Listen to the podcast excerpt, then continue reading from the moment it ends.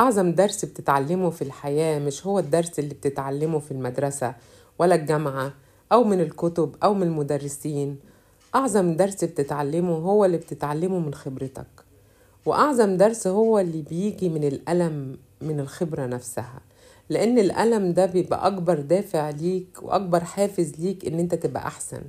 تحقق أحلامك تبقى إنسان أحسن تحقق إنجازاتك تساعد الناس تبقى ملهم ليهم وتبقى قدوة. هو ده الغرض من الألم نفسه. ما تنسوش تتابعوني على تيك توك فنجان قهوة مع جيهان.